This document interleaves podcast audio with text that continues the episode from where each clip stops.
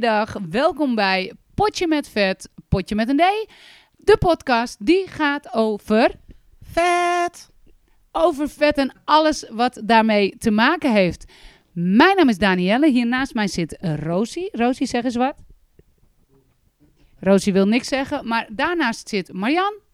Hallo, ik ben Marjan. Dank je voor de introductie. En aan de andere kant, Die Leila.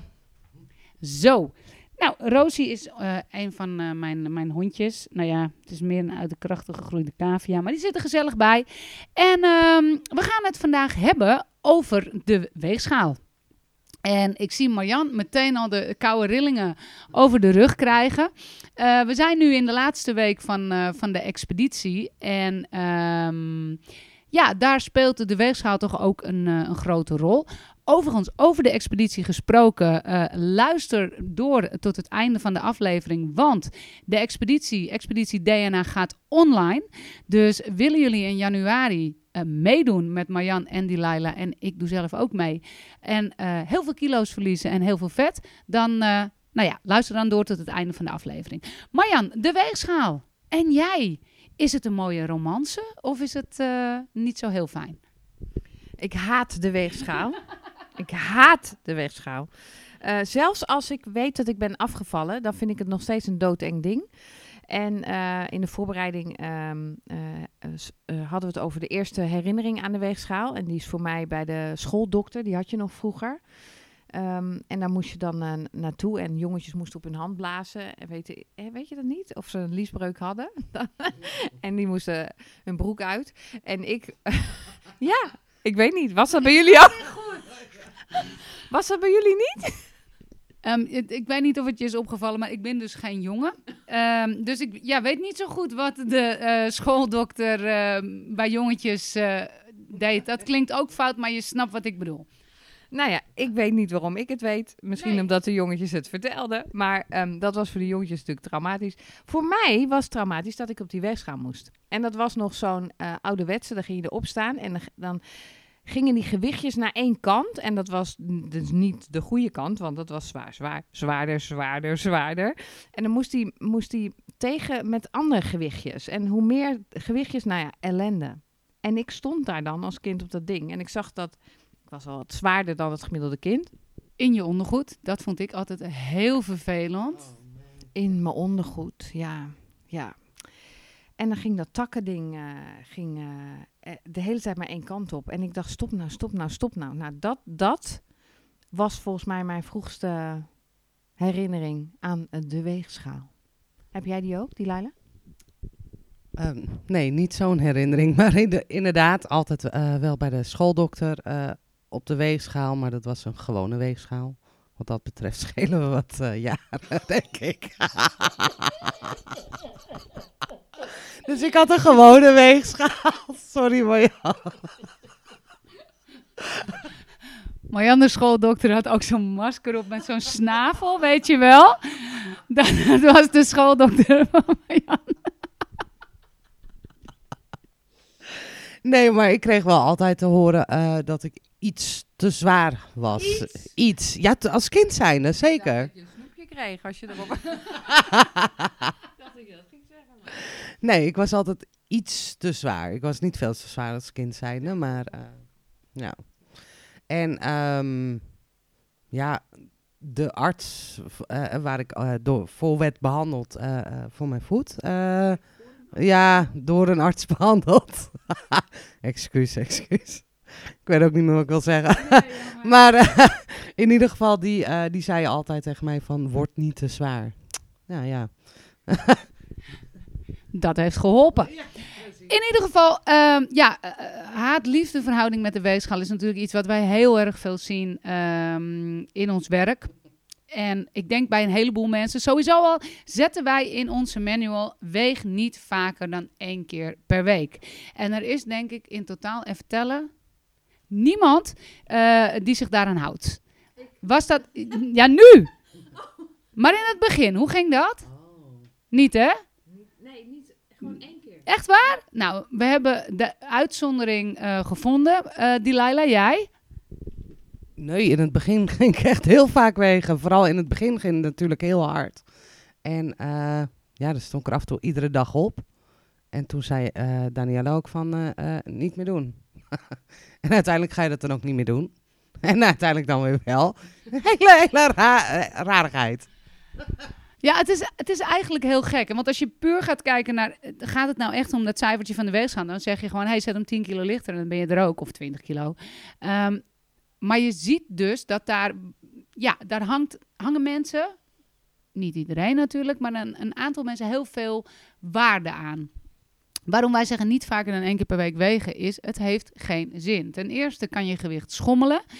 Um, en ten tweede, wat er heel vaak gebeurt is, um, als jij je weegt en het, het gaat goed en het valt mee, dan is het niet meestal niet zo dat je bij jezelf denkt: Oh, het gaat goed, ik ga nog lekker door. Nee, vaak zeg je, denk je dan: Oh, het gaat zo goed, ik kan wel wat extra's nemen. Of als het tegenvalt, dan uh, is de kans dan weer heel groot dat je tegen jezelf zegt: Ah, ik heb zo hard gewerkt en het valt zo tegen. Dan kan, zie je, het lukt niet, ik kan wel wat nemen. Dus het is eigenlijk altijd ja, een soort van excuus. Um, daar kom ik weer met uh, de excuses. En daarbij is het natuurlijk ook nog eens een keer zo. Um, het is geen exacte wetenschap. Dus als jij een dag zout hebt gegeten en je houdt meer vocht vast, ja, dan is het logisch dat je meer weegt. Kunnen jullie iets vertellen over het gevoel wat je hebt bij de weegschaal? Marjan, jij zei al, ik vind hem heel eng. Wat is er zo eng? Omdat de weegschaal vertelt wat er aan de hand is. Uh, en we hebben het eerder gehad over verantwoording nemen. Um, ja, dat is wat er gebeurt natuurlijk. Um, plus dat ik niet voor mezelf insta als het tegenvalt. Mm -hmm. Maar ook niet voor mezelf insta wat jij al zegt als het meevalt. Want dan is het, oh, hè, dan wordt er ineens, uh, ben je helemaal mans en uh, denk je, nou, dat, uh, die halve rol koekjes kan er wel in. Um, en ik ontleen hoe het met mij gaat, ontleen ik aan de cijfers op de weegschaal. Waarbij ik me dus heel goed voor kan stellen dat de mensen die luisteren dan denken, ja, maar waarom stop je daar dan niet mee, het wegen? Ja, ik denk dat dat het begin van het einde is. Dat je echt niet meer weet uh, hoe, hoe het ervoor staat. Um, en volgens mij is dat dan alleen maar een opmaat naar zwaarder worden, zwaarder worden, zwaarder worden. Want dat, dat is nou eenmaal het werk wat, uh, ik, wat, wat gedaan moet worden. Ik zal niet, um, als ik eenmaal op gewicht ben, zal, zal ik nooit, oh, nu kan ik alles loslaten. Dat zit er gewoon niet in. Um, ik kan heel moeilijk over doen. Doe nou, uh, daar kan ik wel heel moeilijk bij kijken. ik, maar dat zien de mensen niet. Maar ik kan wel heel moeilijk kijken. Nee, maar dat, weet je, dat is uh, gewoon, dat is ook een wetenschap. Dat je er altijd op zou moeten blijven letten. Als ik er op blijf letten zonder de weegschaal, ja, dan wordt er aan alle kanten natuurlijk uh, gesaboteerd. Want daar ben ik goed in. Ja. En Delilah, voor jou, uh, we hebben natuurlijk in het verleden al met elkaar besproken, hè, de saboteur. Dus dat er in het verleden met de, de weegschaal nog wel eens, uh, nou ja, gesjoemeld werd, om het zo maar even te zeggen. Ehm, hoe is dat momenteel voor jou? Hoe is jouw gevoel erbij? Want jij hebt wat drastischere maatregelen genomen de laatste tijd om, um, om het allemaal een beetje op de rit te krijgen. Zeg ik dat goed zo? Zeker. En, um, maar die weegschaal, um, op dit moment, ik sta er ook één keer op. Maak een foto en ik stap er weer af. Ja, ik wou net zeggen, kan je dat toelichten? Want voor ons is dat heel duidelijk, hè, wat je bedoelt. Maar ik denk voor sommige mensen die luisteren niet. Kan je dat toelichten? Ja hoor, je kan erop gaan staan en je ziet je gewichten en je kan er weer afgaan en weer erop staan. En dan uh, ben je misschien toch nog een paar ons lichter. Of je verplaats je uh, uh, weegschaal uh, net even naar links. En dan ben je weer een paar ons lichter. Of zwaarder, dat kan ook. En dan ga je hem weer, weer anders zetten. Ja, weet je, je maakt jezelf uiteindelijk gewoon helemaal gek om ja, op die weegschaal te staan. Nou ja, en, maar ja, het wordt nu. Maar ook die drie ons, want dat herken ik ook. Soms sta ik er wel acht keer op, denk ik. In, in, op, de maandagochtend, hè, wanneer we wegen. Um, en die ene ons of die twee ons, dat, ma dat maakt, dat is alles. Nou, en terwijl ik het nu uitspreek, denk ik echt, nou, helemaal me shocken. Ja, ik had niks te zeggen. Die Laila was nog aan de beurt. Dus ik eh, geef hem weer even terug. Naar... Oh, ja, me shocken. Ik geef hem weer aan die Laila. Nee, ik, ik had zelf dat ik dan, als ik dan had gedoucht, denk van, oh, misschien ben ik nu nog wel lichter. Net als, net als precies, als je benen hebt geschoren, nou, misschien ben ik nu nog een ons lichter. Echt, echt gek. Die Laila die lijkt ook een beetje op een Yeti. Of een Chewbacca. Weet je, dus als die gaat ontharen, ja, dat scheelt zo drie kilo. Nee, maar het- het- we maken er grapjes om. Maar ik herken het echt. En precies wat jij zegt, het is heel belangrijk dat je nu één keer erop gaat en een foto maakt en denkt, hé, hey, dit is het. Want hoezo, als je er de tweede keer op gaat en het is drie ons minder, ja, zie je dat dan ook of zo? Nee, natuurlijk niet. Maar dat je dat dus al doet, is voor jou een hele grote stap vooruit. En ehm, misschien als ik, als ik er dus wel op die tweede keer op ga staan, die drie ons minder, nou ja, dan heb ik die volgende week misschien meegenomen. En dan eh, is er misschien volgende week weer wat meer af. Ehm, het heeft wel een tijdje gekost, hoor, want ik heb ook heel lang gekloot met de weegschaal. Hè. Ehm, 100 keer per dag erop staan. 's ochtends, eh, s smiddags, eh, als ik wat had gegeten, voordat ik ging slapen. En waarom deed je dat? Wat was de overtuiging die je had? Wat zei je tegen jezelf dat je dat dus ging doen? Dat was in het moment dat ik heel erg aan het liegen was eh, over de weegschaal. Hè, dat ik gewoon niet eerlijk was eh, over eh, wat ik woog. Ehm, ja, kijken wat alles met me deed. Of ik wel goed bezig was. Ehm, want ik had, eh, ik noem maar wat geks, hè. Ik had een komkommer gegeten. Dus dan moest ik wel daarna afgevallen. Nou ja, gekkigheid. ja, komkommer gegeten en dan eh, val je gelijk af. Ja, dat is bijzonder inderdaad. Maar het is dus eigenlijk, het lijkt heel erg op een soort dwangneurose. Dat je een soort controle wil die er natuurlijk niet is. Hè, want een lichaam laat zich maar gedeeltelijk sturen. Als jij ongesteld bent, waar we natuurlijk vorige keer uitgebreid over hebben gepraat, over de pillen en zo. Maar ehm, ja, dan weeg je minder of meer. De meeste dames wegen meer. Dus je kan het maar voor zover bepalen. En als jij eh, de hele week zeg maar gezond hebt gegeten, dan zou je eigenlijk tevreden moeten kunnen zijn met het feit: hé, hey, eh, dit heb ik gedaan. Uh, logischerwijs zou ik afgevallen moeten zijn. En we hebben natuurlijk ook al gezien dat als het dan één week dat niet hebt, dat je inderdaad vaak de week erna dat het dan meer is. Alleen ik zie bij een heleboel mensen dat inderdaad vooral hun humeur volledig afhankelijk is van wat die weegschaal aangeeft. Marjan. Ja, 100 miljoen triljoen procent. Um, en dat is meteen het, uh, dat vind ik wel het gevaarlijke. En daar, daar praten we gelukkig uh, heel veel over. Als het nou nog een keertje een beetje aanslaat, dan uh, is het helemaal mooi. Um, maar um, ik vind mijn hele leven dus al zo belangrijk wat er op die weegschaal staat. Of ik goed bezig ben of niet. Nou, dat gaat verder dan dat. Of ik, uh, of ik er mag, zijn of niet, is het zelfs. Ja, dat is natuurlijk dat is, uh, verschrikkelijk eigenlijk. Dus die weegschaal is een soort monster wat op mij wacht in die badkamer. Op die tegel.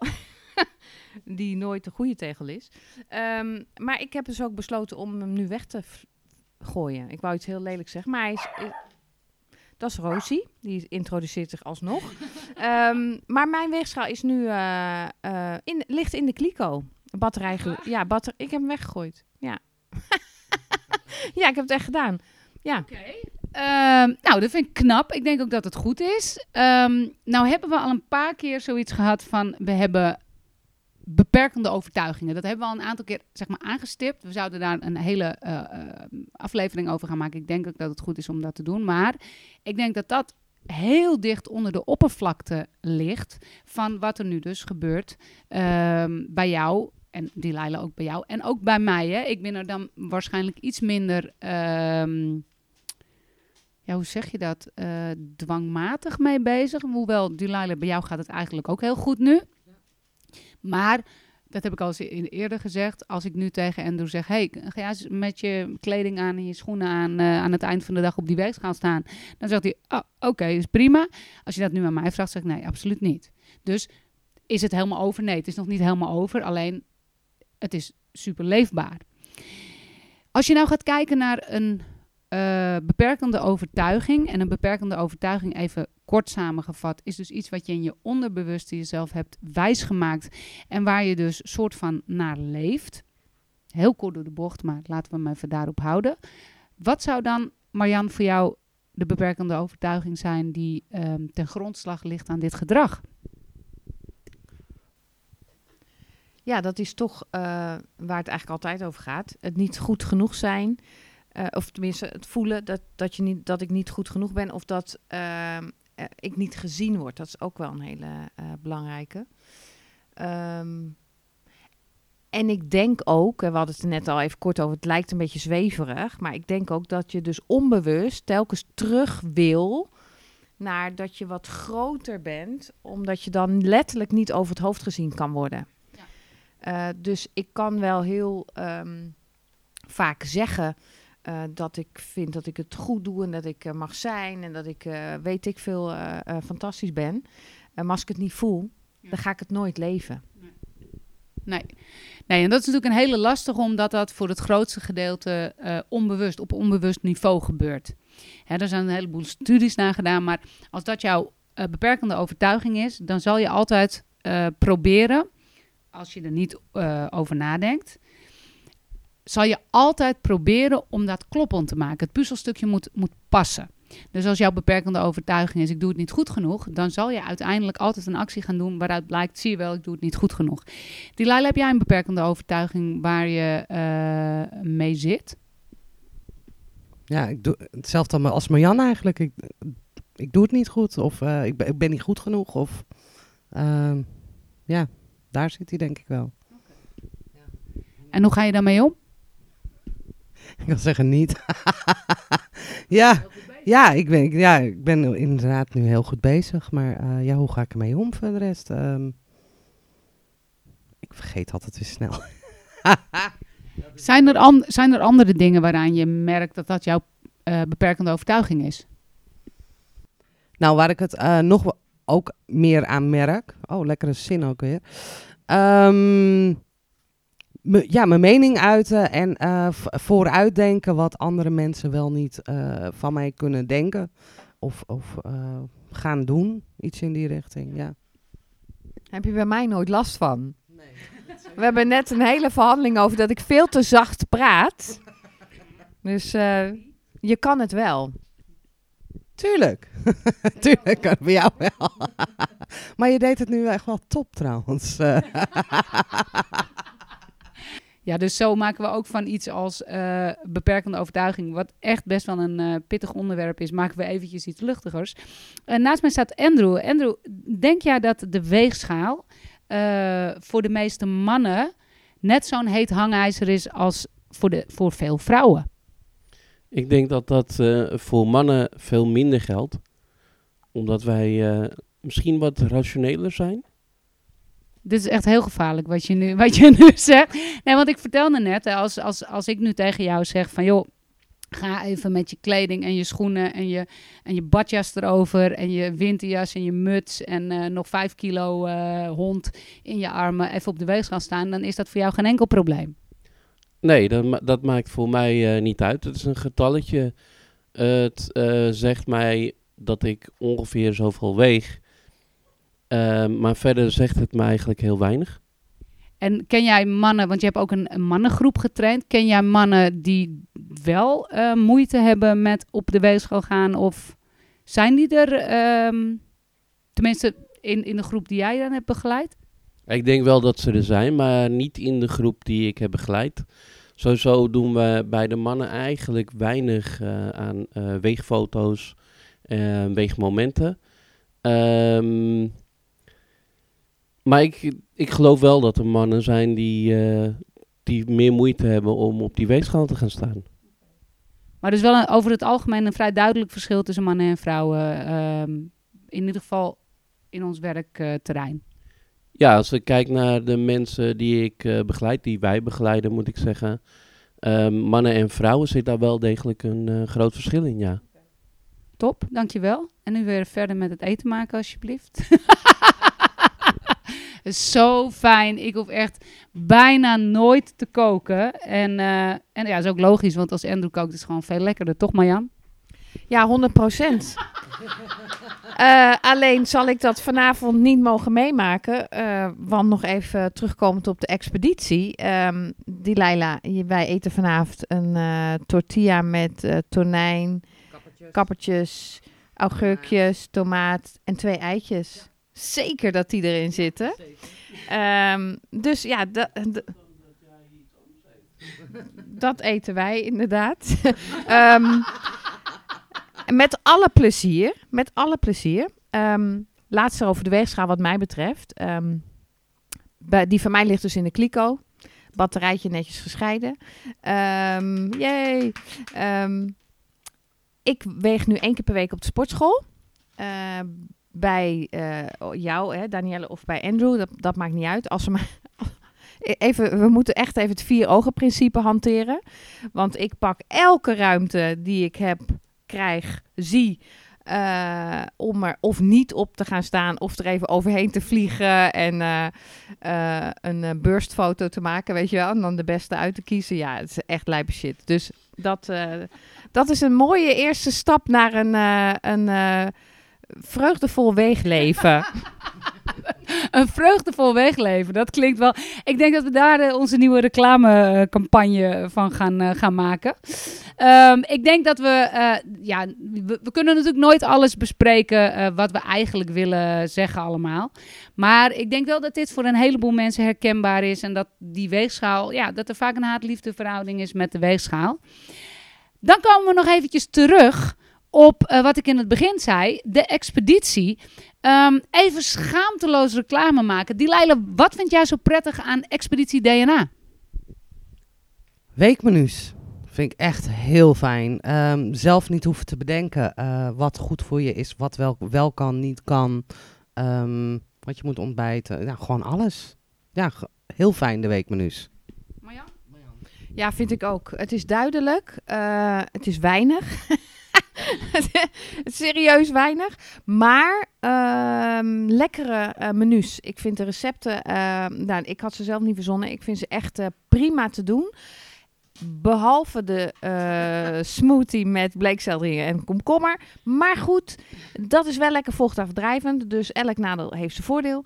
Ehm, en wat ik heel erg leuk vind, is dat je het met een groep doet. En we komen die groep natuurlijk ook regelmatig tegen in de aparte trainingen die we nog hebben met z'n allen. Ehm, ja, en dat is gewoon heel leuk, heel gezellig trainen met elkaar. Dus jullie gaan in, in januari gaan jullie het nog een keertje doen. Zeker, ik wel. Ik ook, ja, ja. En we gaan online. Dat zei je, de expeditie gaat online. En ik heb misschien al twee deelnemers. Want het is natuurlijk een briljant idee, wat Danielle had, om deze expeditie online eh, te gooien en toegankelijk te maken voor meer mensen. En ik mag de korting aankondigen. Dus eh, vanaf het moment van eh, livegang van deze podcast, dat is 9 oktober, tot en met 23 oktober, krijg je op deze try-out versie van de expeditie een korting van 7,50 op het bedrag van 35 euro. Dus voor 27,50 krijg je voor de hele maand menus opgeknipt in weken. Je krijgt toegang tot een groep van de mensen met wie je dit doet, zodat je ervaringen kunt uitwisselen. Je krijgt ook nog trainingen eh, opgestuurd die je eh, thuis kunt doen. Eh, moet niet, maar wil je maximaal resultaat, is het wel handig. Ehm, en eh, wekelijks stapt of Danielle of Andrew in de chat voor een vragenuurtje. Noem het een vragenuurtje. Ehm, dus ja, wil je meedoen en eh, in een, even in een korte tijd je lijf een boost geven, dan eh, zou, ik het zeker, eh, zou ik het zeker doen. Hartstikke leuk. Wat vind jij?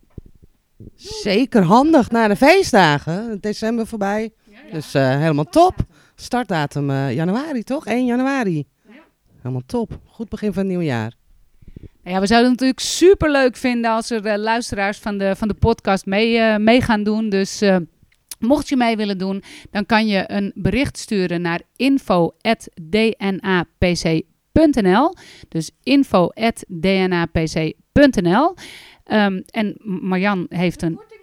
En de kortingscode, die mag je daar gewoon inzetten als je besluit om mee te doen.